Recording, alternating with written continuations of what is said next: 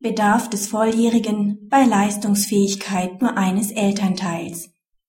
Ist der Elternteil, bei dem das volljährige Kind lebt, nicht leistungsfähig, weil er nicht über ein den eigenen angemessenen Selbstbehalt übersteigendes Einkommen verfügt, so bemisst sich der Bedarf des volljährigen Unterhaltsberechtigten allein nach dem unterhaltsrechtlichen Einkommen des anderen Elternteils. Der Vater einer volljährigen Tochter begehrt im Wege der Abänderungsklage die Herabsetzung des Kindesunterhalts auf Null. Die Tochter wohnt bei der leistungsunfähigen Mutter und befindet sich in Ausbildung. Hieraus erzielt sie ein Einkommen, welches der Höhe nach den Bedarf deckt, der sich allein bei Berücksichtigung des Einkommens des Vaters ergibt.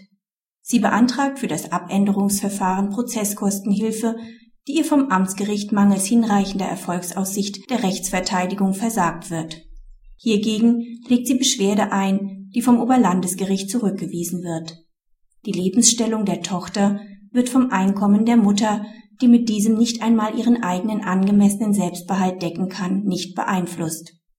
Die Leistungsunfähigkeit der Mutter schließt deren Barunterhaltspflicht von vornherein aus. Der Unterhaltsbedarf der Tochter bemisst sich deshalb allein nach dem bereinigten Nettoeinkommen des zum Barunterhalt verpflichteten Vaters.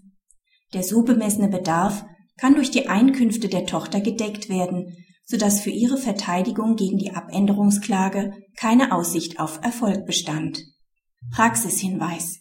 Für den Unterhalt volljähriger Kinder haften Eltern, soweit sie leistungsfähig sind, immer anteilig. Besteht gleichzeitig noch eine Unterhaltsverpflichtung gegenüber minderjährigen Kindern, ist diese vorweg vom Einkommen in Abzug zu bringen